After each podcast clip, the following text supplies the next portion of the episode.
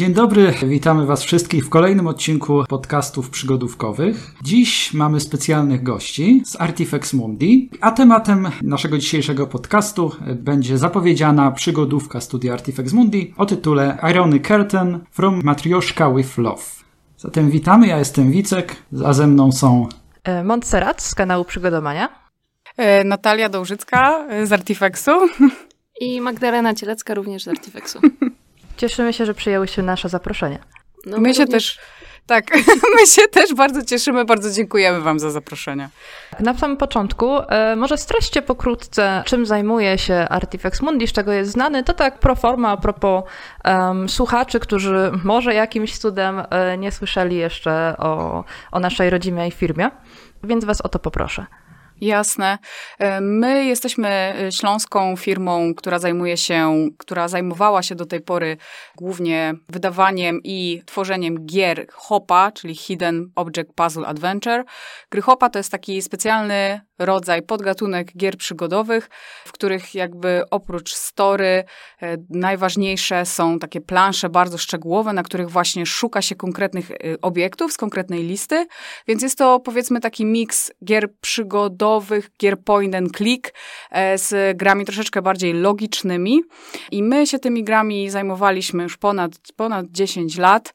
Jest nas tutaj ponad 100 osób i działamy właśnie, dzia działaliśmy właśnie przede wszystkim w tym segmencie. Można w zasadzie powiedzieć, że byliśmy liderem, jeśli chodzi o te gry hopa, bo ten rynek jest całkiem spory, ale on jest, e, co ciekawe, taki najbardziej popularny głównie za granicą, w szczególności w USA, więc jakby nie mamy za złe słuchaczom potencjalnie, że mogli nie usłyszeć o nas, bo to faktycznie była taka rzecz, która nam się bardzo często zdarzała. No i co? Po drodze postanowiliśmy powoli zacząć też eksplorować, że tak powiem, inne gatunki, więc być może wasi słuchacze mogą nas kojarzyć z takiej gry przygodowej My Brother Rabbit, która jest takim przejściem pomiędzy powiedzmy grą hopa, a grą, która jest e, bardziej przygodowa. Um, bardzo fajnie. No właśnie i tutaj a propos My Brother Rabbit, o to również chciałam zapytać, bo e, ta gra była właśnie taką, mm, tak jak sama powiedziałaś, e, przejściem, czyli ona e, już zaczynała iść w stronę gier przygodowych, tych takich bardziej klasycznych point and clicków, ale jednak jeszcze mocno była osadzona w tej takiej tematyce hopa, a Iron Curtain już tutaj zapowiada się na taką pełnoprawną, klasyczną przygodówkę typu point and click. I pytanie do Was, dlaczego zdecydowaliście się pójść w tą stronę? My jakiś czas temu, kilkanaście miesięcy temu, zdecydowaliśmy w ogóle zastanowić się, czy nie chcemy rozszerzyć e, naszego działania. E, no bo mm, to, co jest e, strasznie fajne w Artifex Mundi, to jest to, że my tutaj wszyscy jesteśmy graczami i w ogóle bardzo lubimy grać i bardzo nie da się ugryźć chyba jak każdym, ka każdej firmie czy każdej osobie, która kiedykolwiek się związała z grami, było takim marzeniem, żeby zacząć te gry, robić te gry, które lubimy. Więc to się też też y, fajnie związało z y, jakimiś tam celami biznesowymi naszej firmy, więc mm, tak jak powiedziałam, kilka, kilkanaście miesięcy temu e, zdecydowaliśmy, że zaczniemy eksplorować troszeczkę inne gatunki. I to się, to się odbywało dokładnie w ten sposób, że znajdowały się osoby i znajdowały się teamy, które po prostu chciały robić konkretną grę i tą grę jakby pitchowały mm, e, wyżej do, y, do, do zarządu czy do ludzi, którzy są odpowiedzialni za kwestie biznesowe. No, no i oni decydowali jakby, e, w którym kierunku chcemy pójść. No i tak się bardzo fajnie złożyło, e, że mm, te pierwsze projekty, które powstały, co było totalnie naturalne, e, to były takie projekty, które troszeczkę jedną nogą jeszcze siedziały w tym poletku, że tak powiem, przygodowym, no bo na tym się wychowaliśmy i też bardzo dużo ludzi gra tutaj u nas w przygodówki. I tak właśnie My Brother Rabbit, który był takim przejściem, no ale po drodze pojawił się również e, pomysł i pojawił się również team, który jest zakochany w klasycznych przygodówkach i chciał po prostu e, taką klasyczną przygodówkę stworzyć. I w związku z tym, że, że ta nasza taka trochę wolność kreatywna pojawiła się w firmie, e, zdecydowaliśmy, że to jest fajny pomysł, żeby spróbować czegoś nowego. No ja się bardzo cieszę. Ja również Dobrze, oddam ci. jak najbardziej popieramy ten pomysł i miejmy nadzieję, że nie skończy się na pojedynczym tytule, Natomiast y, teraz chcieliśmy zapytać, Jak wygląda proces twórczy takiej gry jak Irony Curtain i czym różni się od projektowania gier Hopa? Bo nie da się ukryć, że gry Hopa, przynajmniej tak mi się wydaje, nie tworzy się długo takich gier i można ich, ich stworzyć nawet kilka w ciągu roku. Natomiast y, przygodówki klasyczne ze względu na mnogość y, dialogów, y, na, na zagadki, ich proces twórczy jest zapewne mm, nieco dłuższy. Ale czym konkretnie to się różni? Czy, czy tak naprawdę wasze doświadczenie sprawia, że nie ma przed wami ten gatunek tajemnic i w zasadzie nic nowego się nie pojawia w projektowaniu przygodówek, czy jednak są istotne różnice? To może tak, najpierw wyjdę od, od samej hopy. To znaczy, wyobrażam sobie, że są studia, które dadzą radę zrobić taką hopę w 6 miesięcy, Natomiast to już są takie raczej topowe czasy. To znaczy, przeważnie się zakłada, że to jest rok pracy, tak od konceptu do, do finalnej wersji. E, natomiast takim najbardziej kluczowym i powiedzmy spowalniającym proces produkcji czynnikiem jest tworzenie lokacji artów. W naszym przypadku, to znaczy przy projektach, które robiliśmy wewnętrznie, to przeważnie były jednak albo rysowane, że tak powiem, od początku 2D lokacje, albo rendery 3D, które były mocno podmalowane. Mm, no ale to jednak zabierało swój czas. W przypadku Irony Curtain ta, ta dynamika i proporcja się mocno od, e, odsuwa, bo z jednej strony te lokacje są troszeczkę inaczej budowane, to znaczy przez to, że one są, jakby to dobrze ująć, mają jakby dodatkowy wymiar, to znaczy w hopie patrzymy z perspektywy naszej postaci, więc tak naprawdę każda lokacja to jest coś, na czym jesteśmy, możemy tam sobie obejrzeć jakiś konkretny obiekt, zoom, zagrać minigrę, ale nie jesteśmy w stanie jej przestrzennie eksplorować. Natomiast w momencie, kiedy mamy point and clicka i pewnego jakby protagonistę, który się porusza po tej przestrzeni, no to przede wszystkim samo nawigowanie po lokacji zajmuje dużo więcej czasu, więc tych lokacji też aż tyle nie potrzeba, e, żeby mieć grę w gruncie rzeczy dwa razy, trzy razy dłuższą.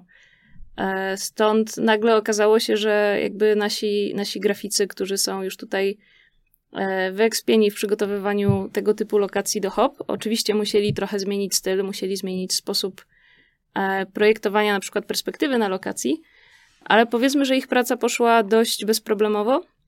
Natomiast na poziomie designu, konceptowania my mieliśmy dużo do nauczenia się jednak. E, przede wszystkim w kontekście złożoności akcji i takich elementów, które pozwalają na powiedzmy, że nieliniowość. To znaczy jednak przy naszych hopach i też na naszym silniku, na którym je produkowaliśmy, właściwie zawsze był tylko jeden taki najkrótszy przebieg. To znaczy nie dało się zrobić wariantów ścieżek, pomijając może kilka pojedynczych tytułów, co sprawiało, że też mogliśmy bardzo szybko na poziomie e, developmentu sobie powiedzmy cheatować taki tak zwany fast forward, to nam po prostu przechodziło tą grę. Jakby odpalało się to i to krok po kroku, jakby akcja po akcji to się przechodziło. W momencie, w którym mamy dialogi, w których możemy podejmować decyzje, w momencie, w którym niektóre zagadki pozwalają nam jakby na różne ścieżki rozwiązywania ich, no to tego typu rozwiązanie już nie jest takie proste. A więc testowanie tego jest dużo trudniejsze, wykrywanie zależności, różnych takich e, skrajnych przypadków logiki, kiedy okazuje się, że jeżeli gracz będzie wiedział wcześniej z jakiejś solucji, że coś tam może zrobić i pójdzie gdzieś za wcześnie i zagada do kogoś, to może się coś dziwnego zadziać no to jakby wszystkie te nowe problemy musieliśmy sobie opatrzyć osobno, jakby takimi powiedzmy ramami designu, który jest dostosowany do tego, że tych decyzji jest dużo więcej, poziom zależności, jakby logiki w ramach lokacji jest dużo bardziej, bardziej złożony, więc wydaje mi się, że taką największą zmianą jest to, że na poziomie samego procesu dużo więcej czasu i pracy musi iść ze strony jakby designera właśnie w zaprojektowanie tego, a też na pewno jakimś, jakąś lekcją, którą mamy teraz już kończąc e, Irony Curtain jest e, to, że założyliśmy sobie, że jeżeli jeden designer był w stanie jakby radzić sobie bardzo dobrze z hopą, to na pewno jeden designer poradzi sobie z point clickiem, bo przecież nie może być aż tak wielu różnic.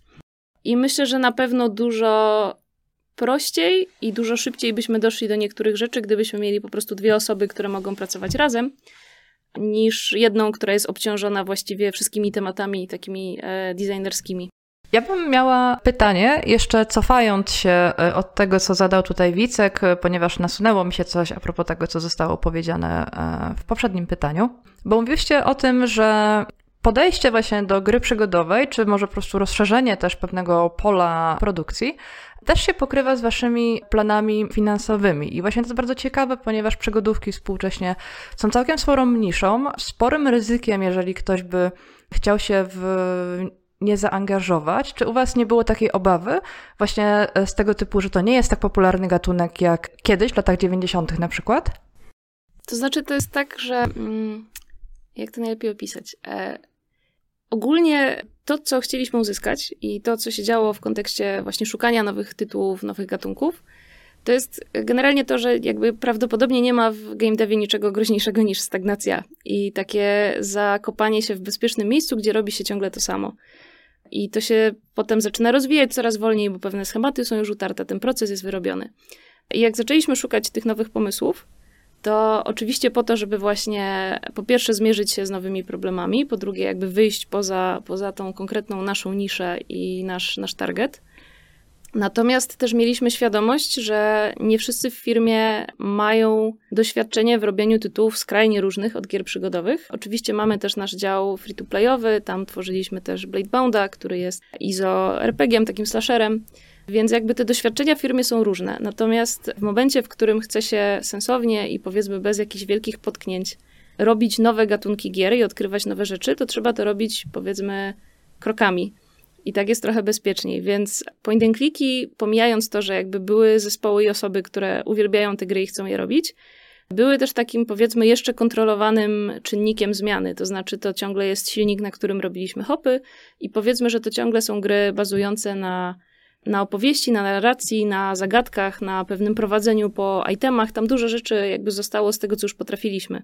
Więc nawet jeżeli potencjalnie rynek point and clicków nie jest powiedzmy w tej chwili, a być może w mało której chwili jest, ale nie jest w tej chwili specjalnie bezpieczny, jeśli chodzi o kwestie finansowe, to czasami jakby skończenie projektu jest też istotne ze względu na przykład na doświadczenie, które zdobędzie zespół, który będzie w stanie następnym razem zrobić coś jeszcze innego i jeszcze trochę dalej.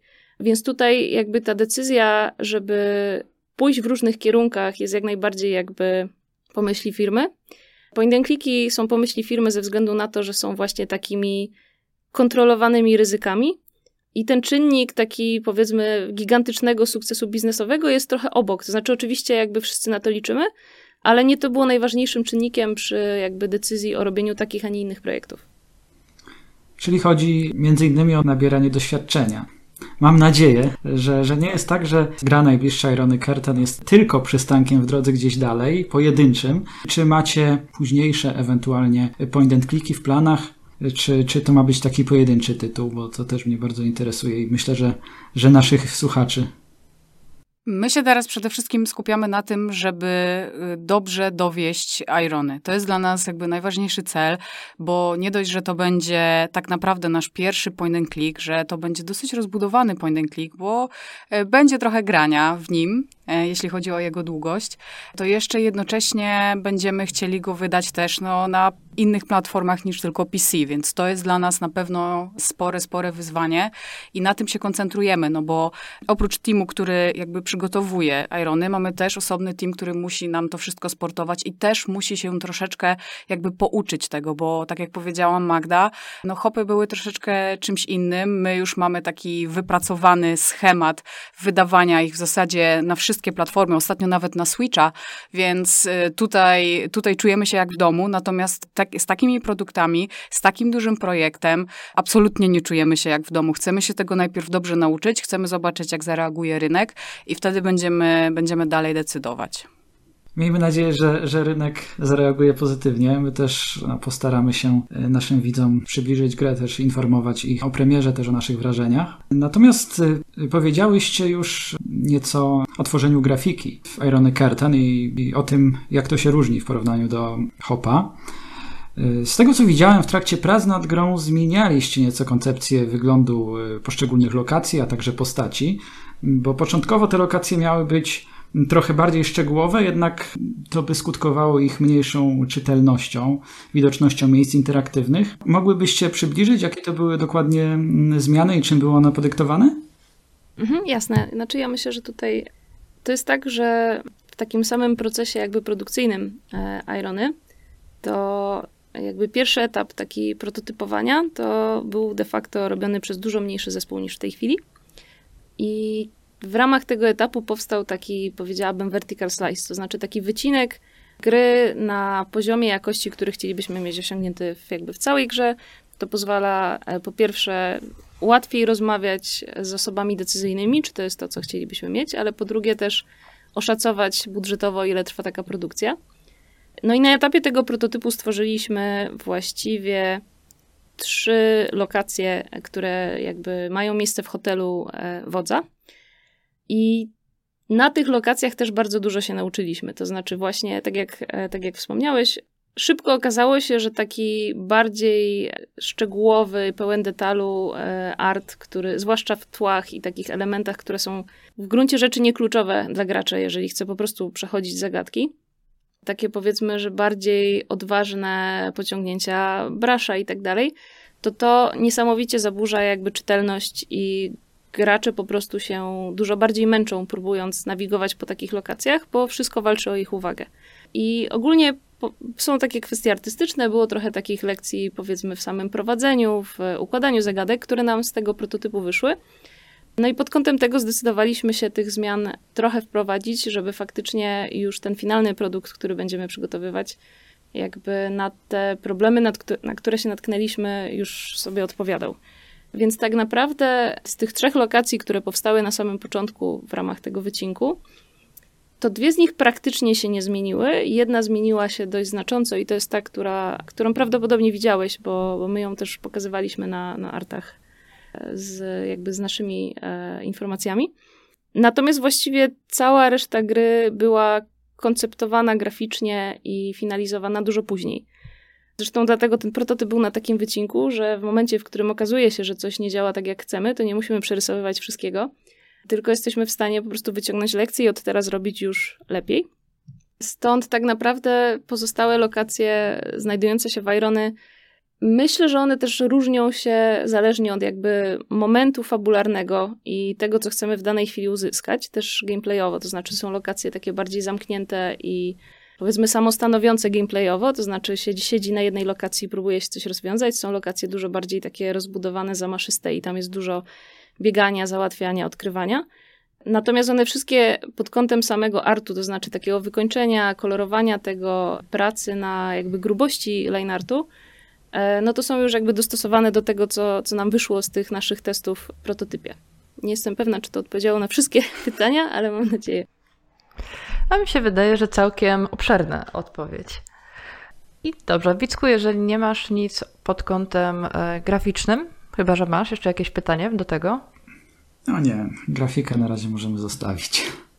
Dobrze, no to ja w takim wypadku zapytam e, o fabułę. Skąd na nią pomysł i dlaczego akurat postanowiłyście, postanowiło Artifex Mundi e, taką obrać drogę? Więc tutaj właściwie pomysł na fabułę wychodzi od e, dwóch osób z zespołu. Naszego jakby głównego grafika i, i game designera. Oni jakby razem najpierw zarysowali sobie ogólny pomysł i wewnętrznie jakby w firmie ten projekt był pitchowany jako Deponia meets Papers, Please.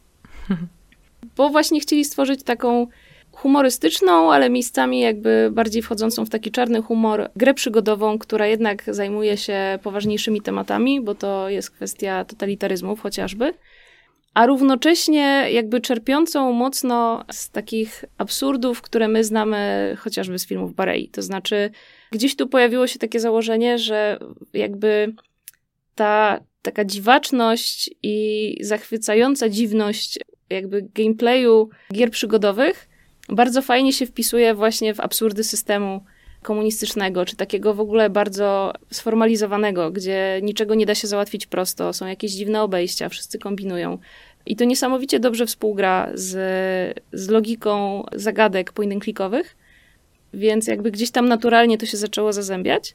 Myślę, że też dość istotnym elementem jest to, że, że powiedzmy ten taki vibe PRL-owski to jest też coś, co e, przynajmniej część naszego zespołu jeszcze sobie pamięta z dzieciństwa. Więc jest tu jakby taka nostalgia e, do point and clicków i może nostalgia to jest złe słowo, ale pewne takie mgliste wspomnienia z tamtych czasów i, i to jakoś tak naturalnie, jak nasza właśnie dwójka autorów głównego pomysłu zaczęła sobie ten pomysł jakoś tam obrabiać, im się połączyło w tego typu point and clicka. No oczywiście później, jak już jest ten główny zamysł, no to trzeba, trzeba wyjść jakby już z konkretną fabułą, z bohaterem, z tym, co tam się będzie działo. Ja tutaj chyba nie chciałabym za dużo mówić, żeby nie spoilować. Nie umiem -hmm. wyczuć, w którym momencie e, przekroczę granicę.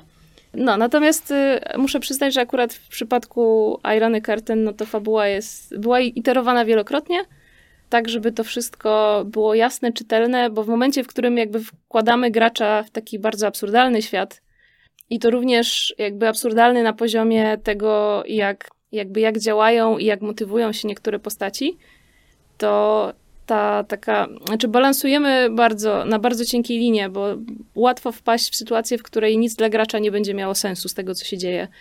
I, I będzie miał poczucie, że ta fabuła się zupełnie dla niego nie klei, ci bohaterowie jakby coś robią, on nie wie dlaczego coś się zadziało, czy to jest jakby nieścisłość fabuły, czy jakby celowo coś zaprojektowanego. Więc nad tym spędziliśmy bardzo dużo czasu, właśnie po to, żeby mieć poczucie, że jednak gracz na przykład potrafi czytelnie dostrzec, kiedy coś się dzieje, bo to jest jakby element jakiegoś żartu, albo to faktycznie ma tak dziwnie się zadziać, a kiedy jakby my coś zawaliliśmy i jest e, zagubiony, więc staraliśmy się bardzo mocno wychwycić te momenty, gdzie coś jest nieczytelne i je poprawić tak, żeby dało się zachować klimat matrioszki, a równocześnie było to jasne dla odbiorcy, co właściwie się dzieje i co obserwuje. A mnie się w ogóle bardzo podoba ten pomysł, który tutaj powstał, ponieważ Druga wojna światowa, czy ogólnie tematyka wojny jest bardzo eksplorowana ogólnie w grach, nie tylko w grach przygodowych, raczej, raczej rzadziej, ale ogólnie w grach e, ten temat jest eksplorowany. A właśnie ta tematyka państwa totalitarnego, tu w tym przypadku dokładnie komunizmu, bardzo rzadko się, e, się pojawia. Y, właśnie, to ja jeszcze mam takie, takie pytanie, bo no nie da się ukryć, że w grze znajdują się nawet już na poziomie samej grafiki, swego rodzaju nawiązania do, do Związku Radzieckiego. Czy nie obawialiście się, że Rosjanie źle przyjmą taki pomysł, pomysł tego typu gry? Ja bym nie powiedziała, że my się obawiamy. My jesteśmy bardzo ciekawi, jak w ogóle zostanie ta gra przyjęta, bo e, to, co na pewno należy podkreślić, to to jest to, że to nie jest absolutnie żadna satyra na Rosję. To jest satyra na konkretny system, na system e, komunistyczny, na system totalitarny. I to, co się dzieje w Irony, w ogóle cała matrioszka, czyli państwo w grze, to jest taki zlepek wszystkich totalitaryzmów, które, które znamy, które są możliwe, które chcemy przedstawić. No nie da się ukryć, że my najbardziej znamy ten totalitaryzm za, za wschodniej granicy e, i pojawiały się już takie głosy, że, e, że może, może przesadzamy, natomiast no, nikt jeszcze nie widział gry, tak? W zasadzie pokazaliśmy tylko i wyłącznie stronę na Steamie, pokazywali, pokazaliśmy tylko i wyłącznie trailer, w którym występuje wódz, który faktycznie być może komuś może kojarzyć się z konkretnymi postaciami e, właśnie z e, historii tej za wschodniej granicy, ale z drugiej strony na przykład dostawaliśmy takie głosy od właśnie ludzi, prawdopodobnie od Rosjan, którzy mówią, no musi być rosyjski język, bo ja będę bardzo chciał zagrać w tą grę. Więc e, to będzie na pewno dla nas bardzo ciekawe. Będzie bardzo też na przykład ciekawe, jak przyjmą tą grę ludzie chociażby w Ameryce, bo to, nad czym się zastanawiamy i to, co chcemy, żeby było fajnie uchwycone w grze, to jest to, że dla nas te absurdy są takie dosyć oczywiste. To znaczy, e, my się śmiejemy ze stania w kolejce po papier toaletowy, czy nie wiem, z galopującej inflacji, bo też są takie, takie że tak powiem, żarty w Irony, bo, czy z podań, które trzeba złożyć, żeby w ogóle wejść do, do pokoju hotelowego, bo my rozumiemy, jak to działało, śmiejemy się trochę, e, trochę z takich sytuacji, które no, kiedyś były absurdalne, dla nas są teraz śmieszne, ale na przykład y, w Ameryce zupełnie e, tego nie było, więc to, co jest dla nas też ważne, to jest to, żeby ludzie, którzy nigdy tego nie doświadczyli, mogli przez taką bardzo, bardzo zabawną, lekką historię, żeby mogli to jakby poczuć, żeby to mogli zobaczyć i, i żeby zrozumieć, że to też nie do końca było tak, że, że była, była, jakiś jeden konkretny system i byli ludzie przez niego zniewoleni i w zasadzie oni tylko jakby z klapkami na oczach wyznawali tą jedną ideologię, czyli, czy, czy bali się w jakikolwiek sposób e, jej przeciwstawić, tylko że to był bardzo, bardzo różnorodny świat, że ci ludzie, którzy byli wewnątrz, też musieli właśnie mierzyć się z różnymi absurdami i że tak naprawdę wychodzili z tego zwycięsko, bo to też o to chodzi, tak? Gracz razem z głównym bohaterem będą poznawać ten świat, będą się go uczyć, będą się zastanawiać, jak się w nim poruszać i mam nadzieję osobiście, że to, jaka fajna jest historia, jak ona się rozwija, jakie są w niej zwroty akcji, będzie jakby dużo ważniejsze od tego, czy to jest e, historia o jakimś konkretnym totalitarnym ustroju, czy, czy o konkretnym totalitaryzmie w konkretnym państwie, czy nie. To ja teraz e, może zapytam, czy macie jakąś grupę, do której konkretnie adresujecie waszą grę, czy chcielibyście mm, raczej uderzyć do e, starszych graczy, czy do e, może młodszych, a to od razu też się wiąże z kontekstem wyzwań też w grze. Bo wiadomo, starsi gracze są przyzwyczajeni do trudniejszych zagadek, na przykład ekwipunkowych, czy jak kiedyś były popularne te Wacky Adventure, a współcześnie już te e, zagadki są takie bardziej wyważone, e, może nawet też e, prostsze, bardziej intuicyjne. Czy pojawią się na przykład łamigłówki logiczne albo jakieś minigry w typie Hidden Object? Więc tak, wydaje mi się, że to jest miejscami trochę, znaczy już może nie jest, ale była na tych etapach wstępnych taka walka wewnątrz zespołu, bo jednak nasz, nasz na przykład główny designer zdecydowanie wpisuje się w kategorię starego wyjadacza, i co najmniej jeszcze kilka osób też. Część ma takie bardziej luźne podejście do point klików, to znaczy znają ich trochę, ale nie grywali we wszystko, co się da. I w kontekście tego tych dyskusji mieliśmy bardzo dużo wewnętrznie, to znaczy na ile to jest ok, że ktoś musi sobie zapisać na kartce jakiś numer, a na ile chcielibyśmy, żeby bohater go zapamiętał i mógł po prostu wykorzystać i tak dalej. Powiedziałabym, że w tej chwili to jest to jest dość wyważone. To znaczy, myślę, że nie przeginamy, natomiast nie jest to takie zupełnie, powiedziałabym, gładkie doświadczenie, jak. O, może tak. E, pomiędzy pierwszym a drugim aktem Broken Age'a jest bardzo dużo różnic, jeśli chodzi o poziom trudności i takich wyzwań. Mhm. I jak dla mnie pierwszy akt jest zdecydowanie zbyt właśnie prosty. Ten flow jest taki, że się właściwie nie zauważa, że się gra a drugi z kolei przegina w drugą stronę. I my, mam wrażenie, udało nam się trafić gdzieś tam po środku tego. Przynajmniej tak to na razie, na razie czujemy. To znaczy, jak sadzamy osoby, które grają w bardzo dużo point klików, to sobie radzą dobrze, ale z takim poczuciem, aha, wykminiłem, a nie po prostu nudnym przeklikaniem. E, osoby, które grają trochę mniej, mają tych wyzwań nieco więcej, ale też mamy system hintów, który jest tutaj dość pomocny. To znaczy, w naszym przypadku to jest e, możliwość zadzwonienia telefonicznie pod linię wsparcia e, ideologicznego i tam, tam można zapytać, znaczy Ewan może właśnie pytać o różne rzeczy i dostać podpowiedzi. Jest to dość podobne do tego, co jest w Timbleweed Parku. Co ciekawe, w sumie to mieliśmy to zaprojektowane zanim Timbleweed wyszedł, więc, więc czuliśmy, że wymyśliliśmy coś nowego, ale nie. I więc to jest jedna rzecz. Mamy trochę minigier, które są logiczne, czasami są zręcznościowe, ale powiedziałabym, że jakby nie, nie każą za bardzo, jeżeli ktoś nie, nie przepada za tego typu e, minigrami. E, nie mamy scen HO, takich e, rozumianych hopo w ogóle. I jeśli chodzi o taki, jakby o zagadki ekwipunkowe, to tutaj jest trochę właśnie to, co wspominałam odnośnie samego systemu, to znaczy to nie jest takie totalnie wacky adventure, gdzie designer sobie coś wymyślił i teraz trzeba jakimś cudem wpaść na to, co on tam miał w głowie.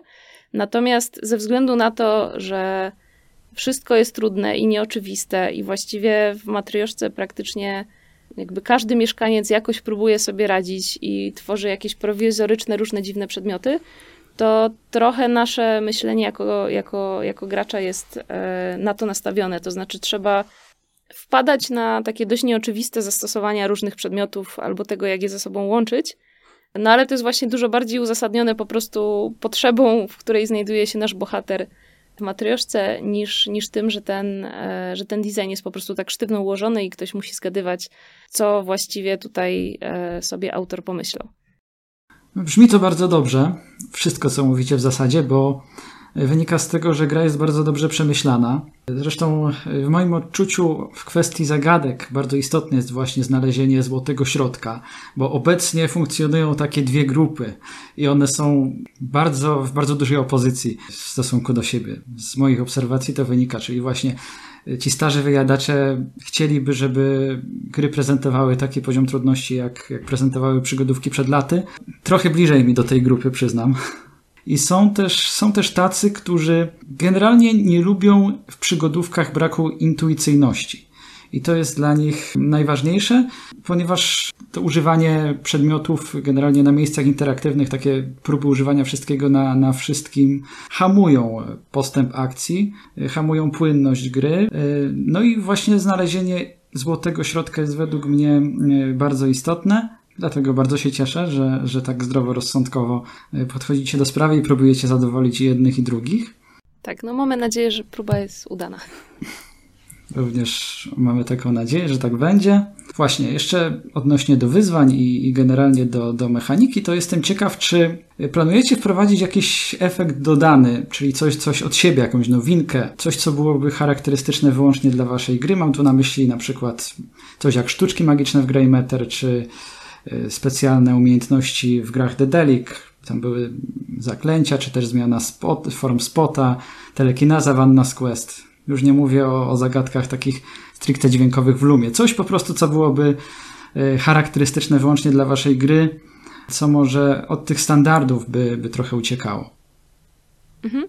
To e, w sumie są dwie rzeczy. To znaczy, jedna, która bardzo rzadko się zdarza, i e, tego dowiedzieliśmy się w zupełnie dziwny sposób. To znaczy, mieliśmy wątpliwość, jak najwygodniej i najintuicyjniej dla gracza jakby merdżować ze sobą przedmioty na zoomach, ponieważ każdy przedmiot w grze, który się zbiera, można zobaczyć sobie w takim dużym przybliżeniu. Jeżeli na nim są też dostępne jakieś akcje, to można go tam, nie wiem, rozłożyć na części pierwsze, coś mu tam oderwać i tak dalej. I okazało się, że bardzo mało gier pozwala na tego typu działania, to znaczy, jeżeli możemy się przyjrzeć tym przedmiotom, to nie możemy w tym samym miejscu jakby używać na nich innych przedmiotów i jak szukaliśmy referencji, żeby właśnie podjąć decyzję, jak to najlepiej ułożyć, tak żeby gracze już znali konwencję, no to okazało się, że takich tytułów praktycznie nie ma. Tam chyba znalazłam Zorka, e, Zork Grand Inquisitor z 99 chyba. Zresztą jakby kiedyś zagrywałam się w tą grę, więc głównie dlatego znalazłam, że pamiętałam.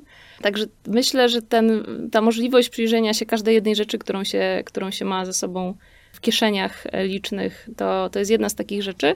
Druga to trochę to, co wspomniałam odnośnie telefonu, to znaczy, no już nie jest on wyjątkowy, bo pojawił się w Timbluidzie, chociaż powiedziałabym, że trochę jednak jeszcze mamy na nim naszych specyficznych rozwiązań, ponieważ tak naprawdę telefon towarzyszy nam przez część lokacji, ale w kilku lokacjach jest to zastąpione czymś e, no, różnym. Na przykład, tu chyba nie będę za dużo zdradzać, na jednej z lokacji możemy znaleźć wróżkę, która przypowiada przyszłość. I tak naprawdę, jeżeli jesteśmy z czymś przyblokowani i mamy pytania, no to możemy jej zadać to pytanie, a ona coś tam wywróży i spróbuje nam podpowiedzieć i zarymować i, i jakby wrzuca nam tak naprawdę zagadkę, która trochę ma nas naprowadzić.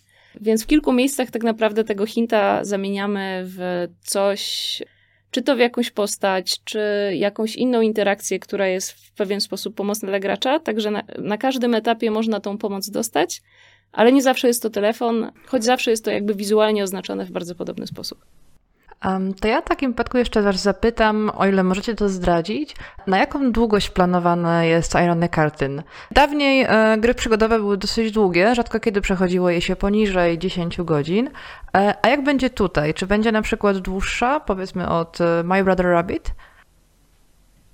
Więc tak, na pewno będzie dłuższa od My Brother Rabbit. W przypadku clicków to się niesamowicie trudno mierzy, bo ten poziom rozstrzelenia jest bardzo duży. Jak sadzaliśmy naszych takich graczy, właśnie starych wyjadaczy, no to z jednej strony to było powiedzmy w godzinach pracy, więc e, oni czuli, że tak no nie mogą klikać na każdą jedną rzecz i czytać każdego jednego komentarza i że, jak to ja przeważnie mówię, nie mogą sobie lizać ścian przechodząc to, tylko muszą tak troszeczkę się sprężyć, skupić się na fabule i na zagadkach.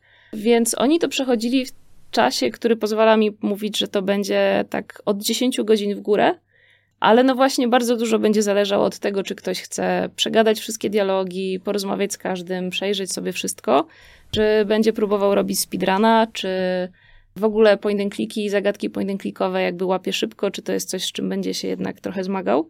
Więc ja bym powiedziała, że te 10 godzin w górę to jest taki bezpieczny nasz szacunek. Natomiast jakby też właśnie ciężko przewidzieć, powiedzmy, taką średnią graczy, to znaczy może się okazać, że to będzie dla wielu osób 9 godzin, dla paru pewnie 14, jakby Myślę, że dopóki nie będziemy mieć po prostu how long to beat określonego, to, to będziemy zgadywać tak, jak nam się wydaje, że tą grę będzie się przechodzić. No rzeczywiście tak to bywa z długością. Czasem, kiedy recenzenci piszą, że na przykład jakąś grę można przejść w 4 godziny, a ja bardzo lubię eksplorować e, lokacje dokładnie, przechodzę ją na przykład e, dwa razy dłużej, no to jest to dla mnie dziwne, więc rozstrzał jest duży. Ja chciałem jeszcze zapytać o Wasze inspiracje, bo jak już powiedziałyście, w ekipie, która pracuje nad Irony Curtain, znalazły się przede wszystkim osoby, które znają i, i bardzo lubią przygodówki. Ja obserwuję też wasz profil na, na Facebooku, profil Artifex Mundi i jako swoje ulubione tytuły wskazujecie tam Małpią Wyspę, Deponię, albo drugiego Broken Sworda między innymi. Czy wobec tego fani przygodówek będą mogli liczyć na jakieś easter eggi, na jakieś nawiązania do, do innych przygodówek, na przykład z lat 90., czy też bardziej współczesnych? Mm, tak, tak. Będą mogli na to liczyć. Jest tego dużo. E, przy czym jakby śmieję się, bo e, nie chodzi jakby o, mm, o to, że na każdym kroku po prostu wyskakuje bohater z gry LucasArtsów. Bardziej o to, że czasami te nawiązania są niesamowicie subtelne i bardzo poukrywane. Tak na zasadzie, że jak się przyjrzy gdzieś na jakimś placu pomiędzy kamieniami, to jest kawałek łyżki z właśnie Broken Age'a albo coś w tym stylu, więc trzeba się tak naprawdę doszukać czasami tych nawiązań. Oczywiście są też takie bardziej oczywiste i zauważalne. Natomiast no śmiejemy się, bo jeden z naszych grafików, a to są, że tak powiem, osoby, którym najłatwiej jest takie rzeczy ukrywać, no jest takim wielkim fanem głównie serii Monkey Island. Natomiast on potrafi czasem nam powiedzieć, że tutaj na jakimś, e, jakimś zoomie czy na jakiejś minigrze ukrył tam 11 nawiązań i my po prostu siedzimy i kminimy razem i znajdujemy 9. Więc, więc niektóre są takie bardzo subtelne, że na przykład tutaj ta plama Moro jest w kształcie Melee Island, tak jak to widzimy na mapie, czy coś takiego. Więc, więc jest tego dużo więcej niż prawdopodobnie ktokolwiek będzie w stanie znaleźć. No ale są też takie dużo bardziej, e, powiedziałabym wprost, oczywiste mrugnięcia okiem My mamy nawet trochę takich nawiązań do naszych wewnętrznych, e, czy to jeszcze Gierhopa, czy do nawet My Brother Rabbit się coś trafi, czy do prototypów, które powstawały, co już jest takim zupełnie in-house'owym żarcikiem, który pewnie tylko my zrozumiemy. Natomiast jest tego dużo, przy czym przeważnie jest to właśnie gdzieś, gdzieś w tle, gdzieś tak, żeby nie, jakby nie zaburzać e, grania osobom, które na przykład za tym nie przepadają i niespecjalnie się interesują i jakby nie chcą rozkminiać w tą stronę w ogóle. Ja bym jeszcze dodała, że przedsmak tego możecie znaleźć na naszej stronie na Steamie, bo my tam dosyć regularnie ostatnio publikujemy takie powiedzmy making of Ironic Curtain. I ostatnio opublikowaliśmy właśnie taki krótki artykuł odnośnie easter eggów w Irony i są tam dwie zagadki, jedna z rozwiązaniami, a druga bez. I można sobie jakby zobaczyć jak na jednym, nawet nie na jednej lokacji, tylko na jednym takim malutkim zoomie, na malutkim przedmiocie, ile tych nawiązań nawiązań różnych może być, także zachęcamy, żeby sobie zajrzeć. To tego wpisu chyba jeszcze nie widziałem. Ale zaintrygowałeś mnie. Natomiast mam, mam takie poczucie déjà vu trochę, bo niedawno też e, rozmawiałem z autorem Three Minutes to Midnight i on właśnie mówił dokładnie to samo. Pokazał jedną lokację, na której jest sześć easter eggów. No tutaj niekoniecznie akurat do gier, do gier przygodowych, ale generalnie do popkultury. No i tak patrzyłem, patrzyłem i nie mogłem znaleźć żadnego. Więc, ale to też jest, to też jest fajne, bo, bo generalnie tak odkrycie takiego nawiązania powinno być też rodzajem, może nie tyle nagrody, co powinno dawać, dawać radość. Jak gdyby to było zbyt oczywiste, no to to po się dwóch, ostatnio zdarza w tak. niektórych grach. No, dlatego też podoba mi się mm, ten pomysł, by były to nawiązania subtelne. Więc z mojej strony rozmowa mnie tym bardziej e, zachęciła do wyczekiwania. Dobrze, jeszcze, jeszcze mam pytanie. Czy w warstwie audio będą nawiązania do muzyki z czasów e, realiów komunizmu? No i e, kto będzie kompozytorem ścieżki dźwiękowej? Naszym kompozytorem jest Arek Rejkowski, który przygotowywał też muzykę między innymi do My Brother Rabbit, ale w ogóle wydaje mi się, że w Polsce jest znanym autorem fajnych ścieżek dźwiękowych do znanych takich gier indie, jak chociażby Layers of Fear, czy Collad, czy Observer. I czy tam będą nawiązania do muzyki z czasów e, komunizmu? Ja bym powiedziała, że bardziej w ogóle do point and clicków, bo mam wrażenie, że to, tak, jak powstawał prototyp, przez bardzo, bardzo długi czas. Mieliśmy tam wpiętą taką bardzo placeholderową muzykę, która absolutnie była taka bardzo rosyjska i strasznie się z tym kojarzyła. Ale w toku jakby też rozgrywki to jest bardzo specyficzna, bardzo specyficzna muzyka, ona używa specyficznych instrumentów, jest najczęściej bardzo taka skoczna, przyciągająca uwagę. A tutaj dużo ważniejsze jest to, żeby ta muzyka była tłem, żeby fajnie sobie współgrała z tym, co się dzieje w grze, więc y, wydaje mi się, że ona bardziej będzie nawiązywać właśnie do, e, do point and clicków. Na pewno jak y, usłyszy się ją, że tak powiem, out of the box, to, to będzie wiadomo, że to jest muzyka z po prostu fajnej gry przygodowej. Natomiast mamy jeszcze jedną niespodziankę, jeśli chodzi o muzykę. Całkiem niedługo będziemy, będziemy trochę więcej o tym mówić, więc y, jakby to nie jest nasze ostatnie słowo, jeśli chodzi o to, co się będzie fajnego w warstwie muzycznej w Irony działo. No, cieszymy się tym bardziej, że tak jak powiedziałeś, Arkadiusz Żajkowski to jest już uznana marka, ale właśnie niedługo niedługo, czyli e, kiedy możemy się tak właściwie spodziewać premiery Irony Curtain? W 2019 roku też niedługo będziemy już troszeczkę więcej zdradzać. Będzie, będzie ruszać taka intensywniejsza kampania promocyjna. E, na razie ta data jakby pozostaje naszą słodką tajemnicą. Musi się jeszcze podziać troszeczkę rzeczy, żebyśmy byli na 100% pewni, że data, którą, e, o której myślimy, no będzie tą datą, którą, która będzie faktycznie i wy wtedy dostaniecie tą, tą grę i ona pojawi się w, we wszystkich sklepach. No na razie nie możemy zdradzić nic więcej, oprócz tego, że na 257% ta gra będzie w 2019 roku, że na pewno będzie szybciej niż później, ale trzeba niestety wyczekiwać takiego trochę bardziej oficjalnego komunikatu, y, który też niedługo i wtedy na pewno, na pewno damy znać. Obiecujemy, że bardzo długo nie trzeba będzie czekać. To dobrze. I, I też myślę, że że nie ma co się zbytnio pośpieszać e, z ogłaszaniem konkretnego terminu, konkretnej daty premiery, bo mamy tutaj przykłady również na rynku gier przygodowych, gier, które były zapowiedziane na 2013 rok i ciągle są jeszcze w produkcji. I tak jak kiedyś miały mm, datę premiery na 2013 rok, tak teraz mają po prostu sun. Mhm. No my chcemy być, chcemy być na 100% pewni, że kiedy ogłosimy już datę, a na pewno ogłosimy taką datę, w której będziecie znać i dzień, i miesiąc i tak dalej, to że ta data na pewno, na pewno zostanie, że tak powiem, potocznie dowieziona. Także może będzie chwilę później, ale mamy nadzieję, że z taką stuprocentową pewnością, że wtedy gra pojawi się w sklepach. No, ja uważam, że nawet y, jeżeli byście potrzebowali czasu, to zawsze jednak lepiej chwilę przedłużyć tą datę premiery, niż wypuścić jednak pro, produkt niedokończony bądź z jakimiś błędami, więc mnie teraz, akurat osobiście czekanie nie przeszkadza. Teraz y, można to sobie łatwiej załatać niż, niż kiedyś, ale też wolę, kiedy produkt jest od razu w pierwszej wersji opublikowanej kompletny i, i bezawaryjnie działa. Natomiast tak, jeszcze jedno pytanie, które ja chciałem zadać. Nie mam zbyt wielkich nadziei i oczekiwań na pozytywną dla mnie odpowiedź ponieważ czasy pudełkowych wydań gier przygodowych w najlepszym razie mijają, a w najgorszym to już chyba całkowicie przeminęły. Ale mimo wszystko zadam to pytanie, czy będzie można liczyć na jakieś pudełkowe wydanie, czy, czy nie? To jest bardzo łatwa odpowiedź, to zależy. I w zasadzie to chyba nie jest nic dziwnego, bo większość e, małych gier czy mniejszych produkcji właśnie w ten sposób działa. To znaczy, zobaczymy, jak pójdzie premiera, jak będzie wyglądała po prostu sprzedaż gry cyfrowo, i wtedy będziemy decydować się bądź nie na, na wersję pudełkową. Tak jak powiedziałam, no, w większości, z tego co obserwujemy rynek, w większości gier, tych małych gier indie, studia, w szczególności jakby tutaj tutaj w naszym, w naszym obszarze europejskim właśnie tak działają, więc my na pewno możemy obiecać, że jeśli będzie super fajnie, to będziemy zastanawiać się nad pudełkiem. Czyli jest jakaś nadzieja. Pozostaje nam trzymać kciuki. To co, Wicku, ty czy ja zadasz to ostatnie fundamentalne pytanie?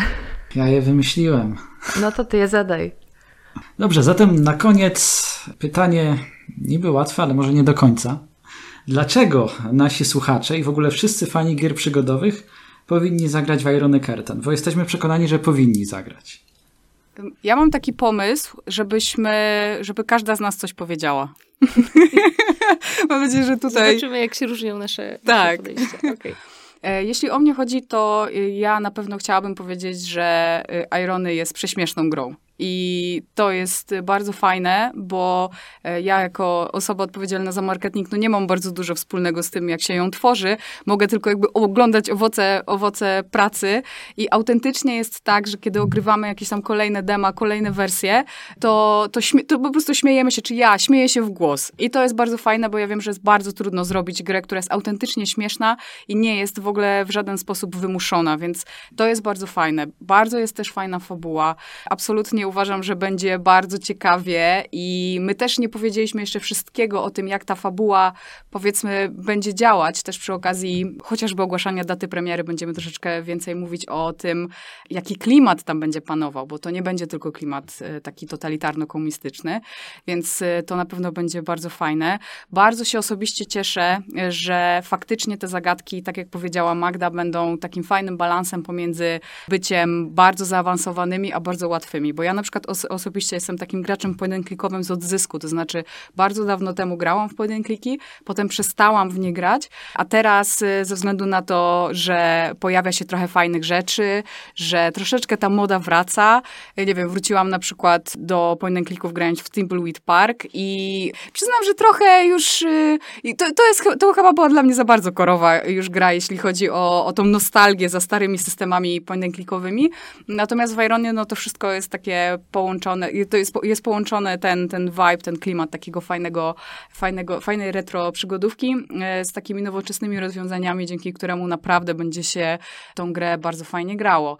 No i przede wszystkim setting, tak? Ja niestety pamiętam trochę ten, ten czas, nie za bardzo mgliście, ale wiem, że rodzice stali dosyć dużo po jakieś tam mleko dla mnie, jak byłam mała, więc y, bardzo się cieszę, że y, jestem częścią takiego projektu, który przedstawia y, te czasy i, nie, i że nie uprawiamy tutaj właśnie takiej martyrologii, że nie mówimy o trudnych tematach w bardzo przygnębiający sposób, tylko że staramy się z nimi zmierzyć z humorem i mam nadzieję, myślę, że to bardzo fajnie nam wychodzi.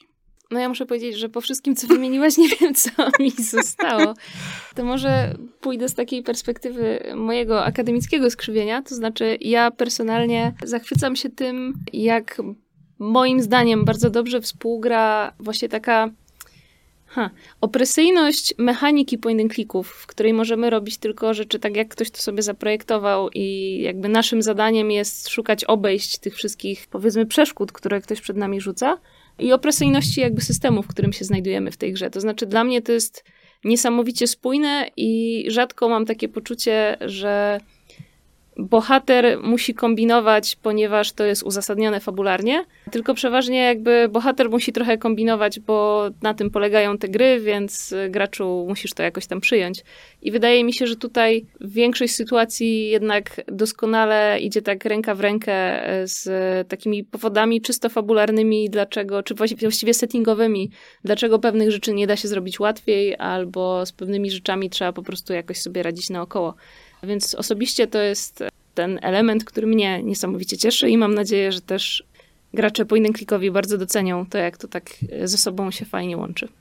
Dziękujemy bardzo za przyjęcie naszego e, zaproszenia. Było nam niezwykle miło. Tak, i myślę też, że e, Wasze odpowiedzi powinny już teraz rozwiać wątpliwości wszystkich, którzy jeszcze nie byli pewni, czy powinni wyczekiwać e, premiery. Ja uważam, że powinni wszyscy. I Was dopingować, żeby jednak ten odbiór był jak najlepszy. Dziękujemy. Bardzo dziękujemy i jeśli wasi słuchacze po raz pierwszy usłyszeli o Irony albo nie byli pewni, tak jak powiedziałaś, to zachęcamy do tego, żeby dodać nas do wishlisty, bo to zawsze będzie wiadomo, kiedy gra wyjdzie. No i tak jak powiedziałam, publikujemy troszeczkę na Steamie e, takich fajnych behind the scenes, więc będzie można się trochę więcej dowiedzieć e, o grze. No i zachęcamy do tego, żeby nas śledzić we wszystkich social mediach, bo na pewno będą się działy tam niedługo bardzo fajne rzeczy związane z Irony. Potwierdzam też, że Artifex Mundi bardzo fajne notki na, na Facebooku publikuje, także też zachęcamy do zaobserwowania, do polubienia. No i co, żegnamy się już z naszymi słuchaczami. Wam również jeszcze raz ja dziękuję. Um, I, ja. I do usłyszenia. Do usłyszenia. W następnym podcaście. Dzięki, Cześć. do usłyszenia. Dziękujemy.